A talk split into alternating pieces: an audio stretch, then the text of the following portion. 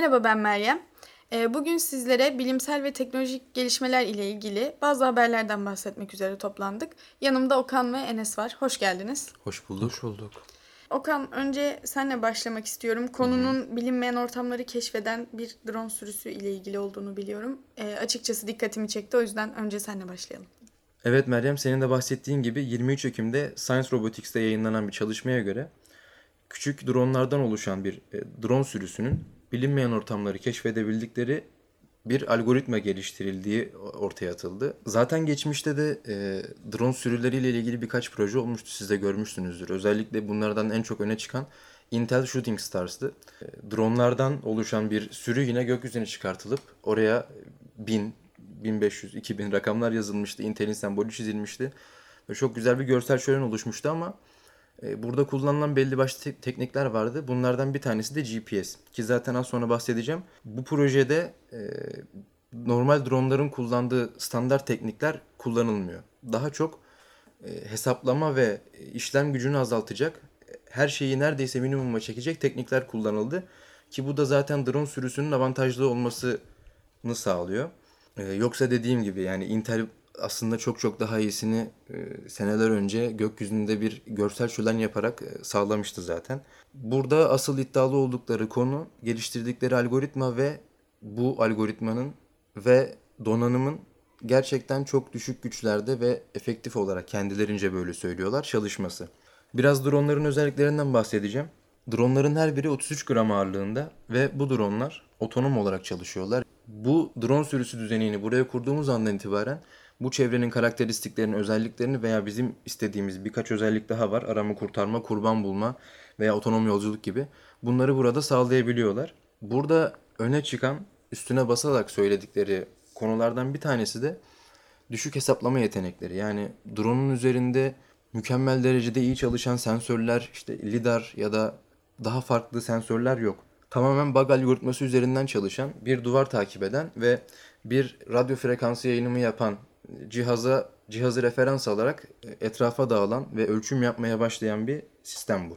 Aslında bu dağılma fikrinin temel kaynağı karıncalardan ve böceklerden çıkıyor. Çünkü onlar da küçük bir çekirdek tanesini almaya sürü halinde gitmiyorlar. Genelde iki kişi, iki kişi demeyelim, iki karınca veya iki canlı gidiyor ya da üç sayıya büyüklüğe göre. Burada da bundan ilham alındı. Yani bir drone bir çevreyi saatlerce veya pilini defalarca doldurup gezmesindense burada bu iş tek seferde ve çok daha hızlı bir şekilde yapılıyor ve bu düşük maliyetli bir sistem. Yani bir kere bu sistem burada çalışmaya başladı ve büyük oranda ölçüm aldık ve artık buranın haritalanmış halinin bir kopyası bizde var ve buna ek olarak üzerinde kameralar da bulunuyor bu dronların. Ve bu da arama kurtarma, kurban bulma az önce de bahsettiğim gibi hizmetlerini sağlayabilecek. Sistemin bu kadar yüksek verimlilikli veya düşük güç harcayan olmasının e, ana sebeplerinden biri de SGBA denilen aslında bir bug algoritması dediğimiz zaten hali hazırda kullanılan ama biraz daha gelişmiş bir algoritma olduğu söyleniyor.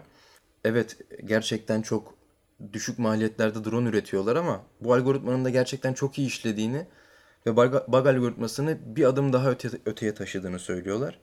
Biraz ondan bahsedeceğim.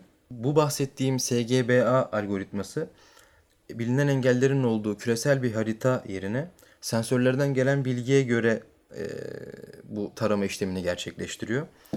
Bu da dolayısıyla verimliliği artırıyor. Yani standart bir bug algoritması duvarı takip ederek rotayı tamamlıyor ve e, dediğim gibi yani bilinen engellerin olduğu bir yer. Ama burada böyle bir sorun yok. Tamamen birkaç parametresi de var bunun. Duvarı takip ederek drone yol alıyor. Ve e, şunun avantajı var burada. İki drone aynı yere gitmiyor. Aynı ortamda çalışmak zorunda kalırlarsa da üzerindeki kameralar ve Wi-Fi sensörleri sayesinde birbirlerine uzaklaşmaları sağlanıyor. Dolayısıyla bu da drone çarpışmasını ortadan kaldırıyor. Şöyle çalışıyor. Bir merkezde bütün dronlar toplanıyor. Sistem ilk hali bu. Daha sonra bunların dağılmaları gerekecek çünkü ortam taramasını istiyoruz. Dronlar dağılmaya başlıyorlar. Üzerindeki kameralar ve dediğim gibi Wi-Fi sensörleri sayesinde e, uzaklaşmaya başladığını anlıyorlar. Bu da bizim RSSI dediğimiz yani sinyalin kuvvetine göre drone'un ne kadar uzaklaştığını anlamasını sağlayan teknikle oluyor. Bu şekilde dronelar farklı noktalara giderek kendi görevlerini yapmaya başlıyorlar. Dağıldılar. Artık herkesin tek bir odada olduğunu düşünelim. ve artık görevlerini yapmaya başlıyorlar. Drone herhangi bir duvara yaklaşana kadar kendini sürüyor. Yaklaşmaya başladığı andan itibaren de mapping dediğimiz yani e, haritalama işlemine başlıyor. Buradaki algoritmanın 5 temel işlevi var. Bunlardan bir tanesi verilen yönü takip etme. Yani nereye gitmesi gerektiğini söylüyorsunuz ve gitmeli. Bunu yapmalı bu algoritma. Yani özelliklerinden bir tanesi bu. İki duvar takibi ki bu zaten en önemli özelliklerinden bir tanesi. Çünkü duvar takibi burada maliyeti azaltan ama drone'un bunu avantajına çevirdiği bir durum. Üçüncüsü odometri dediğimiz görsel analizle konum ve yön bulma. Dördüncüsü ise dronlar arası algılama, iletişim ve çarpışma engelleme ki bu çok önemli çünkü drone sürüsünün uçtuğu bir yerde bize çarpmasını veya kendi aralarında çarpışmasını istemeyiz. E, ama bu da pek umurlarında değil çünkü zaten bu atılabilir bir şey olsun diye uğraşıyorlar. Yani evet bu drone'un başına bir iş geldi ama çöpe atabiliriz çünkü düşük maliyetli zaten. Asıl da amaç bu. Ve son olarak da kalkış noktasına doğru gradient tabanlı bir arama yapabiliyor olması. Bu özelliklerin hepsini sağlayabilecek dronlar bu algoritmayı kullanabilir. Yani aslında bunu open source'a çevirecekler benim anladığım kadarıyla. Açık kaynak kod olacak. Çünkü e, bunu bunu söylemişler makalede. Yani bu özelliklere sahip dronların hepsi bizim algoritmamızı kullanabilir diye. Burada düşük maliyetli bir sistemden bahsettik. E, ama bunu tabii ki çok güçlü dronların bir arada olduğu bir sistemde yapabilir. Yani çünkü zaten hali hazırda çok dediğim gibi güçlü bir drone. Bataryası belki 10, 12, 15 dakikaya kadar uzayabiliyor. Ama burada bir avantajı olması lazım. Yani evet bu bütün verimliliği neden yaptık yani. Ben dronlarımı şarj eder kullanırdım. Verimliliği göz önünde bulundurmuyorsam eğer. Burada en göze çarpan açıkçası benim açımdan arama kurtarma yapabileceği söylendi bu drone sürüsünün. Zaten 4 yıldır süren bir projeymiş ve asıl başlangıç noktası da buymuş. Yıkılmak üzere olan bir bina veya herhangi bir binanın içinde bir kişinin olduğunu eminsek o binayı araştırmada bu drone sürüsünü kullanabiliriz. Burada nasıl bir kullanım olacak? Yani duvar izlerken beni mi bulacak? Hayır. Ee, dediğim gibi odometri topluyor. Odometri datası topluyor. Ve dolayısıyla bu da ben yerde yatıyorken veya ayaktayken veya başıma bir iş geldiyse benim, benim orada olduğumu biliyorlarsa gelip beni izlemelerini ve e, olayı görmelerini sağlayacak. Zaten bunu söyleyerek kurban bulma iddialarını da söylemiş oldum. E, gidip aynı şekilde üstündeki kamerayla e, herhangi bir kurbanı buna victim diyorlar. Yani halbuki insan bulma bu aslında ama buna kurban demişler. 6 dakika içinde 6 dronluk bir sürü e, bir drone'un dolaşamayacağını iddia ettikleri bir alanı %80'ini e, tarıyor buradaki e, kurbanı bulmaya çalışıyor ya da nesneyi diyelim insanı. Bu şekilde temel özellikleri bunlar. Böyle bir drone yapmaya çalışmışlar doğadan esinlenerek. E, teşekkürler Okan. Rica ederim.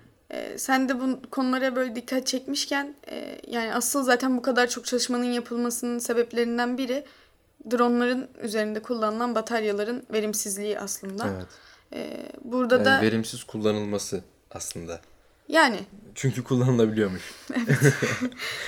Burada da benim gözüme Enes'in konu başlığı çarptı. Kuantum bataryaları ile ilgili bir haberden bahsedecek Enes. Enes sen de devam edelim istersen.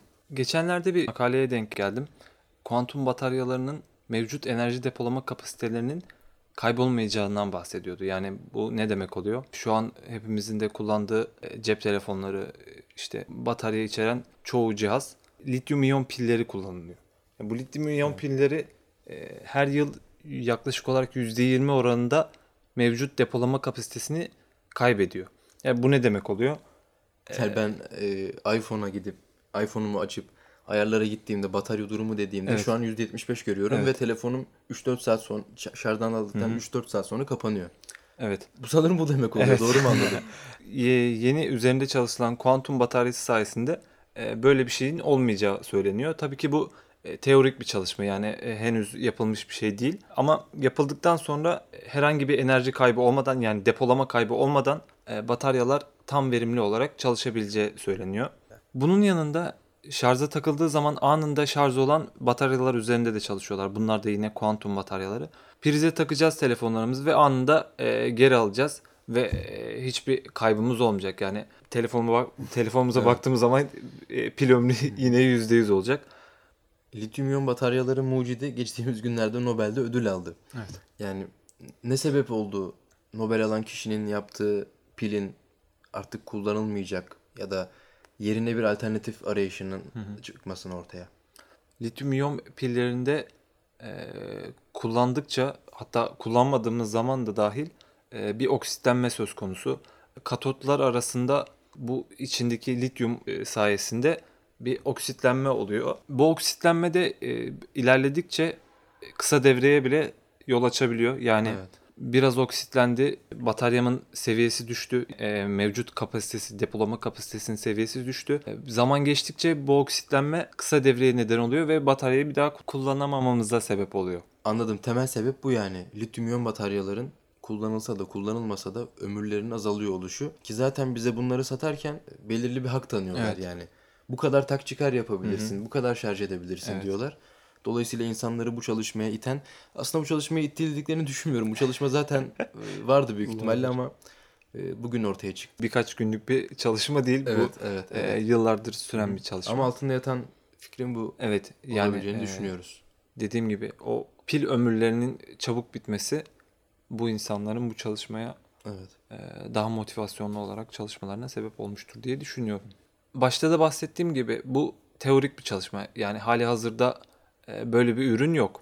Evet. E, İlerleyen günlerde bu bir ürüne dönüştüğü zaman bunu e, nerelerde kullanabiliriz? Şu an çokça gündemde olan elektrikli arabalarda Evet. sıklıkla göreceğimizi düşünüyorum. Yani mevcut kapasitesini kaybetmeyecek bir elektrikli araba bataryasının çok verimli olabileceğini düşünüyorum. Ayrıca bugünlerde elimizden düşmeyen telefonlar, tabletler, hatta Okan'ın da e, az önce bahsettiği gibi dronlarda kullanılarak yine batarya verimliliğini arttırmak mümkün olacak gibi gözüküyor.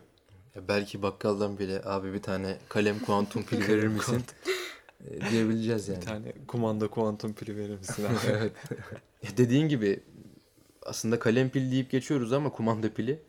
Elon Musk arabalarının bataryalarında bu 1.5 voltluk pillerin bir e, dizaynını kullanmıştı. Yani aslında 1.5 voltluk piller arka arkaya dizilmişti. Evet. Dolayısıyla alan çok geniş gibi duruyor. Senin de söylediğin gibi. Evet, e, geliştirdikleri arabada bu kuantum pillerini kullandıkları zaman Evet. Tesla için konuşuyoruz değil mi? için, Hı hı. Sivri- Gerçi aramızda da Elon Musk fanları var. var var yok değil. bir Meryem, bir kişi daha var. O şu an burada değil. Evet şu an burada değil. Hazır Elon Musk demişken benim konum onunla ilgili çünkü ben bahsedeyim Her zaman isterseniz olduğu gibi. biraz. Evet. Şaşırmadık. Ee, takip ediyor musunuz Twitter'da onu bilmiyorum ama Ya en son e, Ben bir Bir- alev attığını gördüm. evet ya e, çocukları mağaradan kurtaran adama ithamda bulundu. Ondan sonra ben takip etmeyi bıraktım. hmm, Çok tutarlı gelmedi Ben hareketleri. en son bir alev emojisi gördüm. Evet. O en son hatırladığım o. Emojiden ziyade Twitter'da bayağı zehirleyici bir madde kullanıyordu. Uyuşturucu bir madde Evet, kullanıyordu. o- Yani o bir da radyo bayağı- yayınında. Bayağı gündem olmuştu. Evet. Evet. Neyse dur şimdi bize de küfür eder. Duyar adını söyledik burada. aslında 22 Ekim'de attığı tweet'i gördünüz mü diye sormak istedim ama e, bir tweet attı. Starlink'in sağladığı şey internetle bir tweet atıyorum şu an dedi. Ardından da onun çalıştığını görünce aa çalıştı falan filan gibi böyle bir sevinç tweet'i attı bir tane daha. Daha sonra da bu yani tweet'in doğruluğunu sorgulamak üzere bazı e, haber firmaları, haber e, şeyleri SpaceX'le iletişime geçiyorlar. Gerçekten Starlink'i mi kullandı diye. E, sanırım kullanmamış olsaydı olay çıkardı diye düşünüyorum. Demek ki kullanmış. Bununla ilgili tersi bir düşünce, bir haber yok. Göremedim. E, Tweet bana tutarsız geldi yani. Tweet'i attıktan sonra sayfayı yenileyip büyük ihtimalle aa atabildim diyor ama e, zaten Twitter eğer internet bağlantınız yoksa tweet atmıyor. yani aslında şaşırması gereken an o an değildi. Daha önce şaşırmıştır büyük ihtimalle. olabilir. Belki geç gelmiştir. Değil mi? Yanlış mı düşünüyorum? Evet evet doğru. İnternet bağlantısı Hı. yoksa tweet atamıyorsun. Atamıyorsun. Yani sayfayı da yenileyemiyorsun. Evet, evet. Starlink'i ilk defa denedi herhalde. Bilmiyorum. Olabilir. Olabilir. Ama tabii ben de orada- şaşkın, onun yani şaşkınlığıyla belki şey yapmış Burada olabilir. hadsizlik ediyorum. ben, ben adamın yani e, çok çok uzağındayım şu an. Estağfurullah öyle demeyelim de. E, Mayıs 2019'da e, bu şey internet ağı yani kurmak istedikleri internet ağı ile ilgili ilk bölümü göndermişlerdi. 60 tane uydu göndermişlerdi uzaya. E, dünyanın yaklaşık 240 kilometre yüksekliğinde bulunuyordu bu uydular. Onun devamında da işte şu anda sanırım 12 bin tane uydu fırlatma hakları var diye biliyorum bu proje kapsamında. Daha sonra hatta geçen hafta falan da bir 30 bin uydu için daha izin almışlar. Yani 42 Maşallah. bin uydu fırlatma hakları var bu projeyle Maşallah. ilgili. Starlink telekomünikasyon projesi genel olarak hedefi bütün gezegene yüksek hızda yani şu anki internetin sanırım yanlış hatırlamıyorsam 40 katı kadar falan bir hızda internet sağlamayı hedefliyorlar. 40 katı. Evet. Daha sonrasında bu olayla ilgili de şöyle de bir hedeflerinden bahsediyor e, SpaceX'in başkanı. E, diyor ki 2020 yılının ortasında büyük ihtimalle Amerika'nın tamamına internet sağlamış olacağız diyor. E, bunun için şu anda orada bulunan 60 uyduya ek bir 8-9 tane daha uydu göndermeleri gerekiyormuş. E, bütün dünya ile ilgili de herhalde bir 24 tahminleri var ama işte neden 42 bin izin almışlar onu bilmiyorum tam olarak. Hani olur da gerekir kapsayamazsak bütün dünyayı diye fazla fazla izin almışlar sanırım. Ama amaçları yani dünyanın en ücra köşesini bile kapsama alanına e, sokmak istiyoruz diyorlar. Belki de Hedefleri şey bu. şeyi düşünmüşlerdir. Kusura bakma sözünü kestim. Ee, geçen deprem olduğunda baz istasyonlarında e, çok yüklenme olduğu için evet. iptal olmuştu hatırlarsanız. Belki Elon Musk'ın kulağına bile gittiğini düşünmüyorum. yani e, öyledir de o biliyordur hani yani çok yoğunluk olduğu zaman sıkıntı çıkacağını. O yüzden yani sıfır risk ama 42 bin uydu. Böyle bir sloganla bu işi yapıyor olabilirler. Benim aklıma o geldi. Ya bir de göz ardı edemeyeceğimiz bir bilgi daha olduğunu düşünüyorum. E, 7,5 milyar insanın yaklaşık 4 milyarı daha henüz hiç internete bağlanmamış. Hedefleri aslında o insanları da internette tanıştırmak olabilir ya da onları müşteri gözüyle de Evet, bakıyor Yeni olabilirler. müşteriler. 4 milyar yeni müşteri. Bilmiyorum. E, ama ya güzel bir hedef gibi geliyor. Arkasında tam olarak hani ticari anlamda nasıl bir düşünce var bilmiyorum. Kestiremiyorum ama bence güzel bir uygulama gibi geliyor. Ama tabii 42 bin uydu hepsini gönderirlerse uzayda ciddi bir kirlilik olacak gibi geliyor bana. Ya aslında ben pek aynı fikirde değilim seninle çünkü e, geçenlerde okuduğum bir haberde uyduları tamir eden bir uydu üzerine çalışıldığı söylendi. Yani zaten bütün dünya uydularda internet almaya başladığı günlerde e, ondan biraz sonra uydular artık kendilerini tamir etmeye veya onların yanına hizmet vermeye, servis vermeye giden uydular tarafından tamir edilmeye başlanacaktır. E, tamir etmenin yanında gidip o uyduyu hizmet dışı da bırakabiliyor. Yörüngeden de çıkartabiliyor. Ee, Ben bu sorunun çok büyük olduğunu düşünmüyorum. Yani bence bu konuda çok sorun yaşamayız. Böyle bir uygulama varsa Ama mecburuz çünkü kirliliğin önüne geçilir Evet, bence evet de. evet ya çünkü onların bir görev süresi var ve bu süre dolduğunda mutlaka oradan kaldırılmaları veya bir şekilde yok edilmeleri gerekiyor. Yok etmek de mümkün olmadığı için Evet. ya dışarı Yani iteceksiniz bir şey çekip atacaksın dışarı. yani keşke buradaki kadar kolay olsa. Hazır kirlilik demişken atmosferde de ciddi bir kirliliğin olduğunu biliyoruz. Ee, senin ikinci haberin de sanırım yapay bir yaprakla ilgiliydi Enes. Oksijen falan üretiyor diye biliyorum. Senin de bahsettiğin gibi e, oksijen üreten bir yapay yapraktan söz ediyoruz. E, ben ilk okuduğumda biraz şaşırdım açıkçası. Yani yapay bir yaprak nasıl fotosentez yapıp oksijen salınımı yapıyor. Hatta oksijen salınımı yapmakla kalmayıp normal ağaçların meyve verdiği gibi ayrıca bir sentez gazı da üretiyor. E, meyve yerine sentez gaz dışarı veriyor dedik bu yapay yaprak için. Ama burada sentez gazdan ne anlamamız gerekiyor tam olarak? Neyi ifade ediyor bu?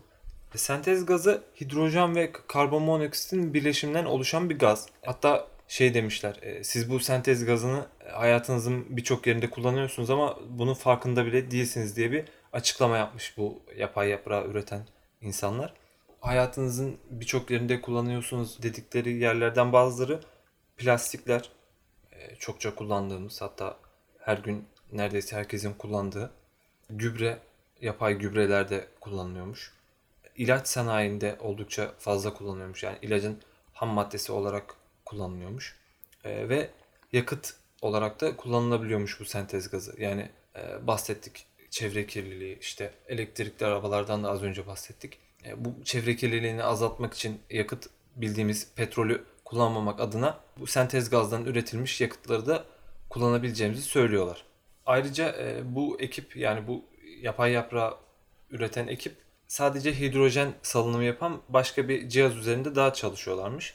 petrole alternatif olarak kullanılabilecek bir yakıt üzerinde de çalıştıklarını söylüyorlar. Yani sadece yapay yaprakla kalmayıp hem e, hidrojen üreten e, ayrıca farklı bir cihaz olarak petrol alternatif bir yakıt üreten başka bir çalışmaları da var. E, peki bu bahsettik yapay yaprak e, şimdi gözünüzde canlanması için biraz anlatayım.